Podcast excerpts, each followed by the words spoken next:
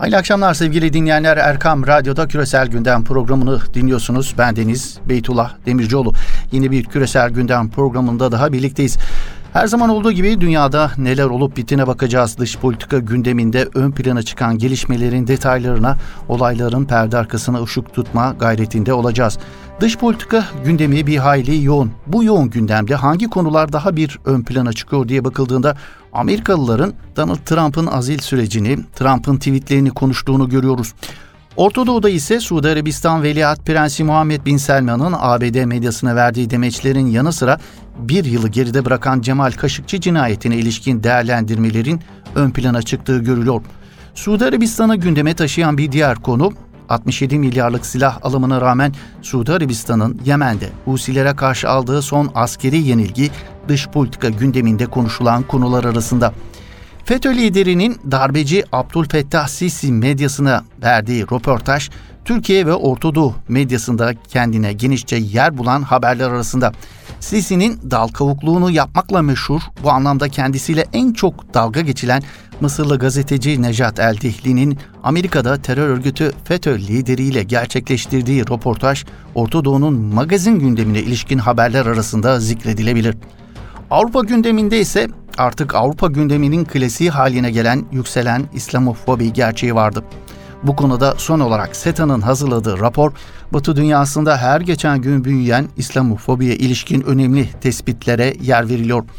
Hong Kong'daki göstericilerin bitmek tükenmek bilmeyen enerjileri ve her seçim döneminde olduğu gibi kanlı geçen Afganistan seçimlerinde herkesin kendini galip ilan etmesi Asya gündeminde konuşulan dış politika konuları arasında yer aldı.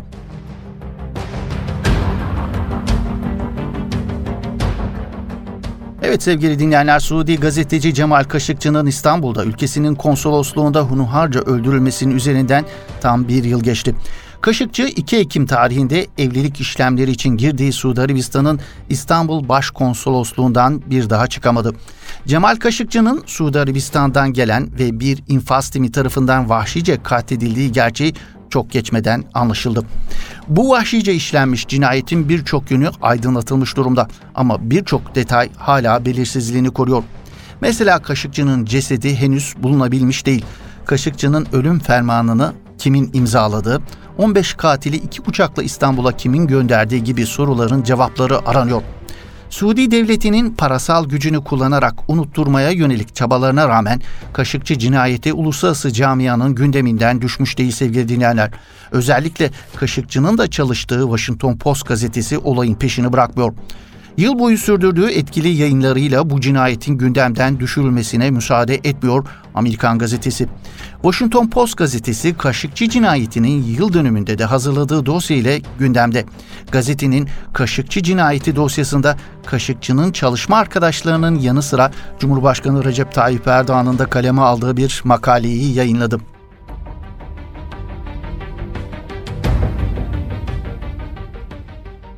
Washington Post yayın kurulunca kaleme alınan ve bir yıl sonra cinayete kurban giden arkadaşımız Cemal'in haklı olduğu ortaya çıktığı başlıklı başyazıda Kaşıkçı'nın hiçbir zaman muhalif olma gibi bir amacı bulunmadığı vurgulanıyor. Kaşıkçı'nın Eylül 2017'de Washington Post için yazdığı ilk makalede ülkesinde Veliaht Prens Muhammed Bin Selman'ın baskısı altında fikirlerini konuşmaya cesaret eden entelektüellerin ve dini liderlerin korkutulması, sindirilmesinde ciddi bir artış olduğundan bahsedildiği hatırlatılıyor. İlerleyen zamanlarda Kaşıkçı'nın Bin Selman ve yardımcısı Suud el-Kahtani tarafından internet üzerinden hedef alındığına işaret edilen yazıda Kaşıkçı'nın gazete için kaleme aldığı makalelerde Bin Selman yönetimini hem muhaliflere yönelik baskıları hem de Yemen'deki savaş nedeniyle sıkça eleştirdiği belirtiliyor. Başyazıda Kaşıkçı'nın tartışmaları 2 Ekim 2018'de bitti. O gün bizim Yazarımız Suudi Arabistan'ın İstanbul Başkonsolosluğuna girdi ve burada Riyad'dan bu iş için gönderilmiş 15 kişi tarafından boğulup parçalara ayrıldığı ifadesine yer veriliyor.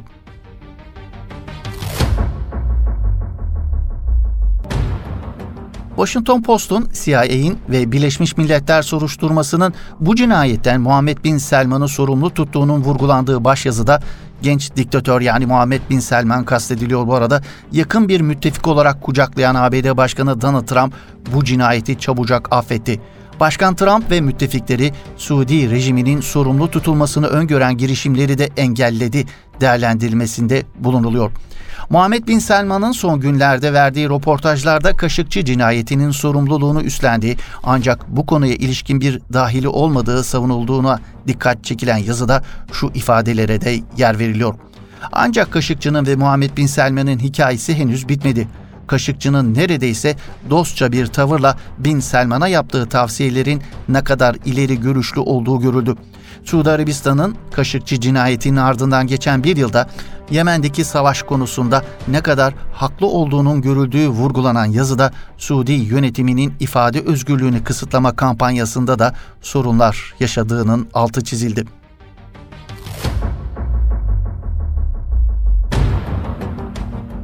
Muhammed Bin Selman'ın politikaları onu bir çıkmaz sokağa hatta belki de dik bir uçuruma sürüklüyor görüşüne yer verilen Washington Post'un başyazısında şunlar kaydediliyor ayrıca sevgili dinleyenler. Trump şu anda bir skandala saplandı ve seçim kampanyasıyla meşgul. Bu nedenle de Bin Selman'a çok yardımcı olacak gibi durmuyor. Veliaht Prens halen kendini kurtarabilir. Ancak bu yalnızca Kaşıkçı'nın kendine verdiği nasihati tutarsa mümkün olur. Kadın aktivistleri ve diğer siyasi tutukluları serbest bırakmalı. Bu kişilere işkence edenleri cezalandırmalı. Yemen'deki savaş sonlandırılmalı. Kaşıkçı gibi barışçıl eleştirmenlerin yurtlarına dönüp özgürce konuşmalarını sağlamalı. Son olarak önemli noktalardan bir tanesi de Bin Selman yarı doğruları söylemeyi bırakıp Kaşıkçı cinayetinde tam sorumluluğu yüklenmeli. Bunun çok yakın zamanda olacağını sanmıyoruz ancak tarihin kayıp dostumuz ve meslektaşımız Cemal'in tartışmanın doğru tarafında olduğunu ve Muhammed Bin Selman'ın bir kemik desterisiyle savaşı kazanacağını düşünerek nasıl yanlışa düştüğünü göstereceğine inanıyoruz diyor Washington Post'un baş makalesinde.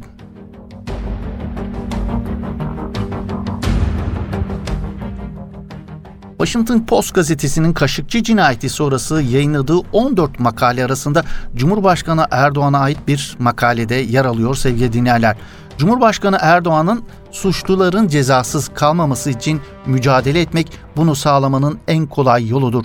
Bu Cemal'in ailesine borcumuzdur dediği makalesinde Kaşıkçı cinayetini 11 Eylül'den sonra 21. yüzyılın en tartışmalı olayı olarak niteliyor. Erdoğan'ın Kaşıkçı'nın ardından kaleme aldığı makaleden bir bölüm şöyle. Washington Post gazetesinde köşe yazarlığı yapan Suudi gazeteci Cemal Kaşıkçı'nın öldürülmesi 11 Eylül terör saldırısını saymasak 21. yüzyılın en büyük ve tartışmalı olayı sayılabilir. Zira 11 Eylül'den beri hiçbir olay uluslararası düzeni bu denli tehdit etmemiş, dünyanın kabul ettiği kurallara meydan okumamıştır. Aradan bir yıl geçmesine rağmen cinayetle ilgili bildiklerimizin hala sınırlı olması ise uluslararası toplumun üzerinde düşünmesi gereken üzücü bir gerçektir. Suudi gazetecinin ölümünün tüm yönleriyle aydınlatılıp aydınlatılamayacağı çocuklarımızın nasıl bir dünyada yaşayacağını belirleyecektir diyor Recep Tayyip Erdoğan Washington Post için yazdığı makalede.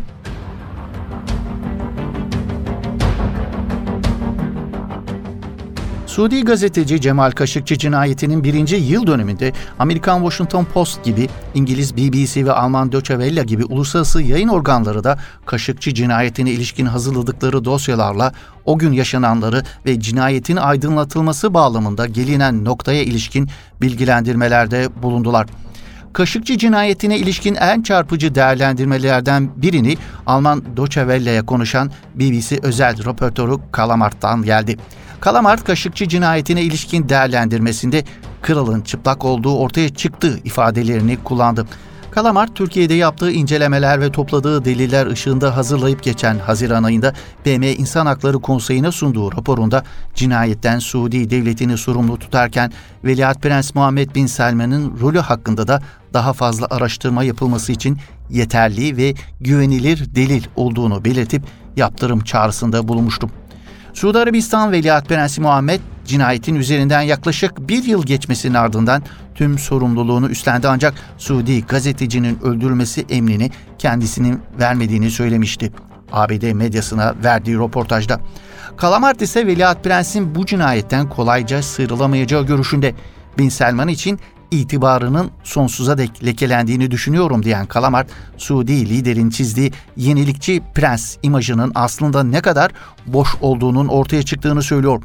Röportör, evet birkaç önlem aldı ama nihayetinde kralın çıplak olduğunu düşünüyorum. İmparator çıplak ve hizmetçileri giderek daha yüksek sesle bunu dile getirecek ifadelerini kullanıyor Doçevelle'ye verdiği röportajında.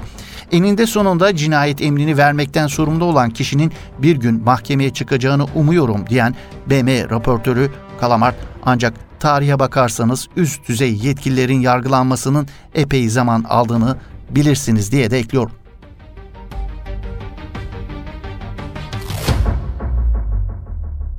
Küresel gündemde özellikle de İslam dünyasında ilgi uyandıran haberlerden biri de İslam dünyasının üç önemli ülkesi Türkiye, Malezya, Pakistan'ın bir televizyon kanalı kuracağı haber olduğu sevgili dinleyenler.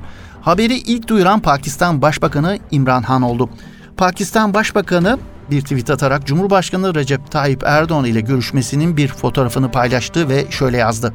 Görüşmemizde BBC tarzı İngilizce bir televizyon kanalı kurma kararı aldık.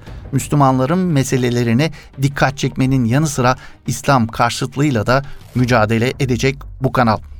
Malezya Başbakanı Mahathir Muhammed de ülkesinin Türkiye ve Pakistan ile İslam karşıtlığıyla mücadele etmek için İngilizce dilinde ortak bir televizyon kanalı kurmak kararına ilişkin dinimizin terörü desteklediğine yönelik ithamlar yapılmaması için İslam'ın ne olduğunu izah etmek üzere çaba sarf etmek gerektiğini düşündük dedi.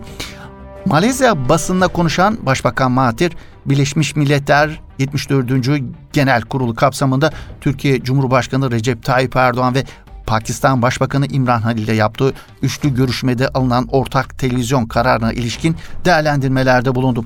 Mahathir, İslam hakkında yapılan haberlerin çoğunun doğru olmadığı ve İslam'ın öğretilerini yansıtmadığı düşüncesine vardık. Müslümanlar terörist olarak etiketleniyor ve dünya İslam dininin şiddetle bağlantısı olmamasına rağmen bunları kabul ediyor ifadelerini kullandı. Mahathir söz konusu projenin 3 ülkenin iletişim ve enformasyon birimleri öncülüğünde başlayacağının da altını çizdi Malezya medyasına verdiği röportajında.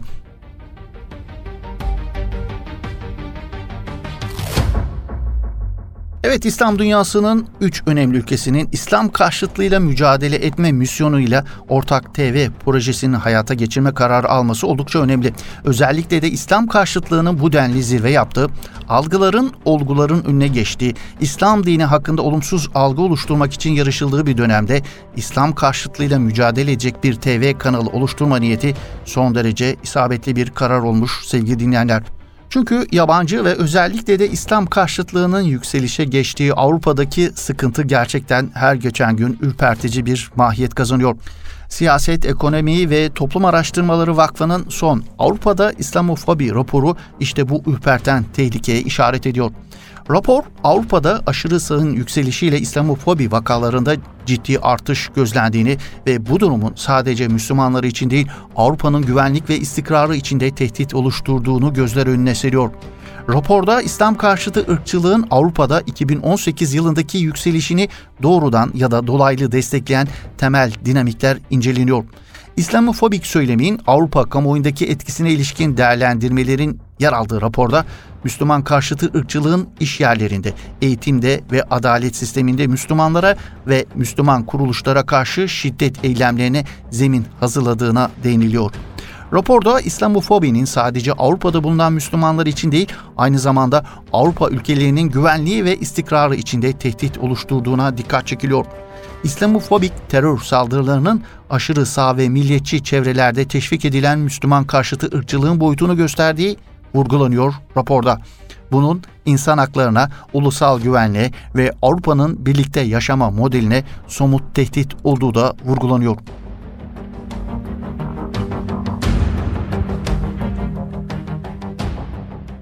SETA'nın çeşitli kaynaklardan derlediği verilere göre Avrupa'da aşırı sağın yükselişiyle birlikte geçen yıl İslamofobi vakalarında ciddi artış gözlendi. Belçika'da geçen yıl 70 İslamofobi olayı kaydedilirken bu vakaların %74'ünün kadınları hedef alması dikkat çekti. Avusturya'da ise 2017'de 309 İslamofobi vakası yaşanırken bu rakamın geçen yıl %74 yükselerek 540 olduğu görüldü. Fransa'da da Müslüman karşıtı ırkçı vakalar geçen yıl %54 oranında artarak 676'ya çıktı. Bu ülkedeki İslamofobi olaylarının %3'ü fiziksel saldırı, %84'ü ise ayrımcılık ve %13'ü ise nefret söylemi şeklinde kendini gösterdi. Almanya'da Müslümanlara yönelik geçen yıl 678 saldırı gerçekleştirilirken 40 defada bu ülkedeki camiler hedef alındı. Ayrıca ülkedeki 1775 mülteciye yönelik saldırı kaydedildi. Müslümanların bulunduğu sığınma evleri de 173 defa Müslüman karşıtlarının hedefi oldu. Norveç'te geçen yıl 151 dini ayrımcılık vakası gözlenirken bunlardan %91'inin Müslümanlara yönelik olması dikkat çekti. Birleşik Krallık'ta dini güdümlü suçlarda 2011 ile 2018 döneminde %415 oranında artış olduğu vurgulandı SETA'nın Avrupa'daki İslamofobi raporunda.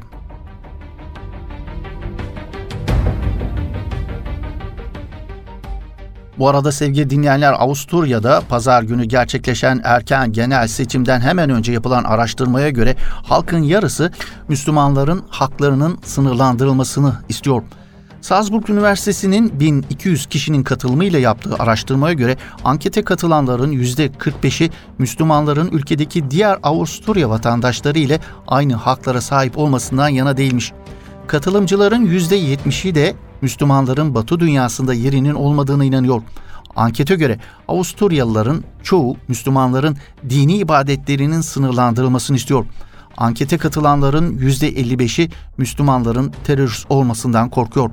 %48'i ise cami inşaatlarının yasaklanmasını talep ediyor. Evet, SETA'nın Avrupa'da İslamofobi raporu Türkiye, Pakistan ve Malezya tarafından İslam düşmanlığıyla mücadele misyonuyla kurulacak televizyon kanalının nedenli önemli olduğunu gösteriyor sevgili dinleyenler.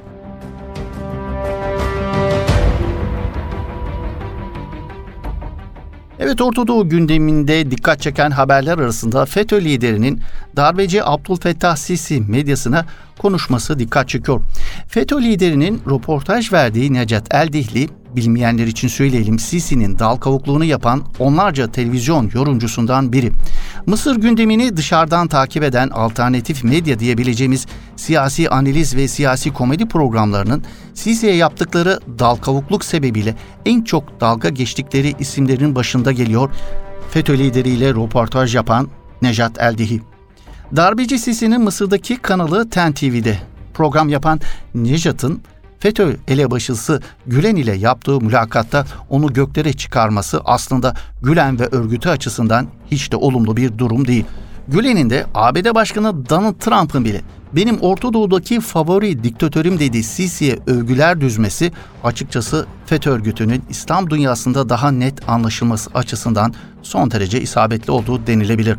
Çünkü Sisi'nin dal kavuklarının tebliğ ettiği Fethullah Gülen'in ve örgütünün Orta Doğu'da daha net anlaşılmasına vesile olmuştur bu röportaj sevgili dinleyenler.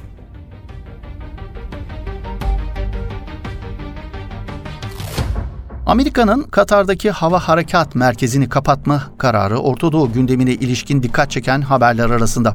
Washington Post gazetesindeki habere göre ABD Hava Kuvvetleri Katar'daki El Üdeyd hava üssünde bulunan Birleşik Hava ve Uzay Operasyonları Merkezi'nin faaliyetlerine son vermiş. Hava Kuvvetleri'nin Orta Doğu, Kuzeydoğu, Afrika ve Güney Asya'daki harekatlarının komuta edildiği merkezini ABD'ye taşıma kararı almış. Washington'ın harekat merkezini kendi sınırlarına taşıma kararının bölgede İran ile gerilimlerin yaşandığı bir döneme denk gelmesi dikkat çekiliyor.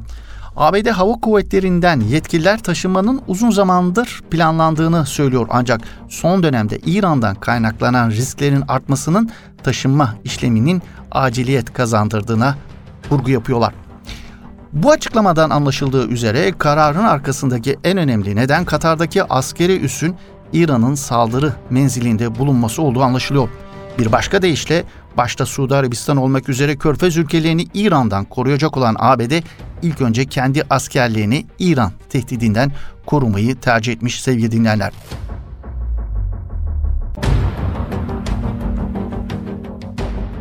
Evet Aramco saldırısı sonrası Suudi Arabistan'ın Amerika'ya karşı bir güven bunalımı yaşadığını söylemek mümkün. Rusya'da Suudi Arabistan ile ABD arasındaki bu güven bunalımını fırsata dönüştürme çabası içerisinde olduğu gözlemleniyor. Reuters'ın bir analiz haberine göre Suudi Arabistan'ın 14 Eylül günü petrol tesislerini hedef alan ve Riyad'ın petrol üretiminin yarısını kaybetmesine yol açan saldırılardan bu yana bölgede muhtemel bir denge değişikliğine karşı kendisini ustalıkla konumlandırmaya çalıştığı ülkelerden biri olarak Rusya'nın olduğunun altı çiziliyor. Önümüzdeki ay Rusya Cumhurbaşkanı Vladimir Putin'in Suudi Arabistan ve Körfez ülkelerini ziyaret edeceği de vurgulanıyor söz konusu analizde. Moskova'nın yaptığı bu manevralar büyük ölçüde fırsatçılığının bir yansıması olarak görülüyor değerlendirmesinde bulunuyor Reuters'ın analizinde. Moskova'yı yakından takip eden uzmanlara göre Rusya'nın niyeti çok açık. Londra'daki Uluslararası İşler Kraliyet Enstitüsü'ndeki Rusya ve Avrasya programından araştırmacı olarak çalışan Matej Boluş, Rusya kendisini Orta Doğu'da sistemik bir aktör olarak konumlandırıyor diyor. Bu da Kremlin'in bölgede irilik ufaklı her türlü soruna dokunacağı anlamına geliyor değerlendirmesinde bulunuyor. Her yerde olmak ve vazgeçilmez bir aktör olabilmek için her şeye müdahale etmek istiyor diyen Boloş, Rusya'nın bölgede kuralları koyan bir güç olmayı amaçladığını da vurguluyor. Bu Putin'in 2015 yılında Suriye asker göndermesinden bu yana devam eden bir süreç olsa da önce Obama'nın Suriye'de Esed rejiminin kimyasal silah kullanmasına rağmen daha büyük rol oynamayı reddetmesi, daha sonra da Trump'ın sert konuşup bölgede harekete geçmekten kaçırmasıyla birlikte ABD'nin bölgeden el çekmesinin ardından güç kazanmış durumda diyor. Bunun son örneği ise Trump'ın İran'ı sorumlu tuttuğu Suudi Arabistan saldırıları oldu önce misilleme için vurmaya hazırız deyip daha sonra güçlü bir karşılık vermekten kaçınan Trump'ın bunun yerine Tahran üzerindeki yaptırımları sıkılaştırma kararı aldı. Bu da ABD'nin en yakın Arap müttefiki olan Riyad'ı savunmak için askeri gücünü kullanmaya hazır olup olmadığı sorusunu gündeme getirdi deniliyor Reuters'ın analizinde.